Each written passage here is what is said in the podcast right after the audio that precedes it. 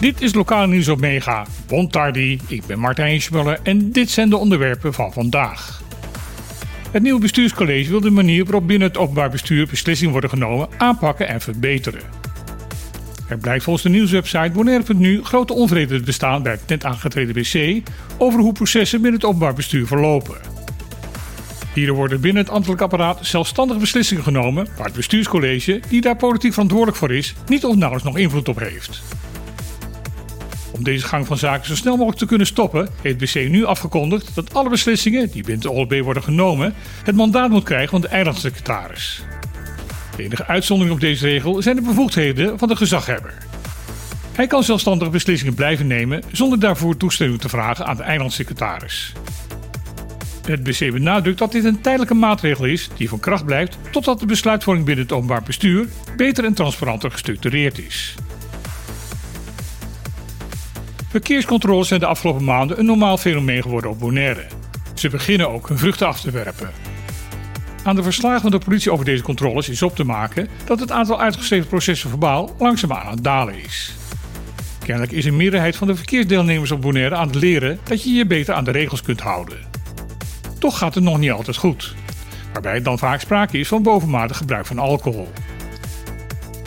Zo werd eind vorige week iemand aangehouden die bij het wegrijden met zijn auto tegen een onbeheinde opbotste. In plaats van te stoppen wilde de man doorrijden. Zijn auto werd echter door alerte burger geblokkeerd, die daarna de politie belde. Bij de aankomst van de politie bleek de dader inderdaad te diep in het glaasje te hebben gekeken. Verder bleek zijn rijbewijs te zijn ingevorderd omdat hij al eerder op alcoholgebruik was betrapt. De politie wil graag benadrukken dat gaan rijden wanneer je rijbewijs is ingenomen geen overtreding is, maar een misdaad. Hiervoor kun je zelfs een gevangenisstraf krijgen. Ga volgende week woensdag allemaal stemmen voor de Tweede Kamerverkiezingen. Dat is de dringende oproep die waarnemend gezaghebber Nolly Oliana doet aan de bevolking van Bonaire. Bij de vorige verkiezingen in 2021 kwam maar 21% van de kiesgerechtigden naar de stembus. Oliana hoopt dat dit keer het percentage minstens 40% zal zijn. De afgelopen tijd heeft laten zien hoe belangrijk de Haagse politiek is voor het leven op de BES-eilanden. Zonder direct ingrijpen van de Tweede Kamer zou op 1 juli 2024 geen sociaal minimum op de BES ingevoerd kunnen gaan worden.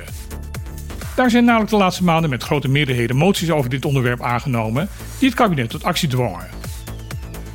Volgens de gezaghebbers kan door te gaan stemmen de kiezer ervoor gaan zorgen dat Den Haag ook echt naar de 30.000 inwoners van de eilanden blijft luisteren. Sinds begin deze maand kunnen online gokbedrijven in Curaçao zich inschrijven bij een nieuw portal op internet.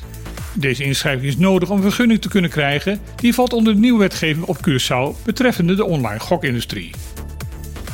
De verantwoordelijke minister hiervoor, Javier Silvania, meldt triomfantelijk op casinonews.nl dat er al zo'n 100 gokbedrijven de afgelopen weken zich bij het portal hebben aangemeld. Wat de minister niet vertelt is dat de onderliggende wetgeving voor deze nieuwe vergunningen niet klaar is en waarschijnlijk de komende maanden ook niet klaar zal zijn. De nieuwe landverordening ligt namelijk momenteel nog bij de Raad van Advies. Dat weerhoudt de minister er niet van om te spreken van een wedergeboorte en een belangrijke evolutie van de gokindustrie op Curaçao. Zolang de wetgeving hiervoor nog niet is goedgekeurd, zal deze evolutie niet gehandhaafd kunnen worden en kunnen de gokbedrijven doen waar ze zin in hebben. Net zoals ze dat nu al doen. Dit was weer het lokale nieuws op Mega. Ik verleen iedereen de vergunning om een mooie dag te hebben en dan heel graag weer tot morgen.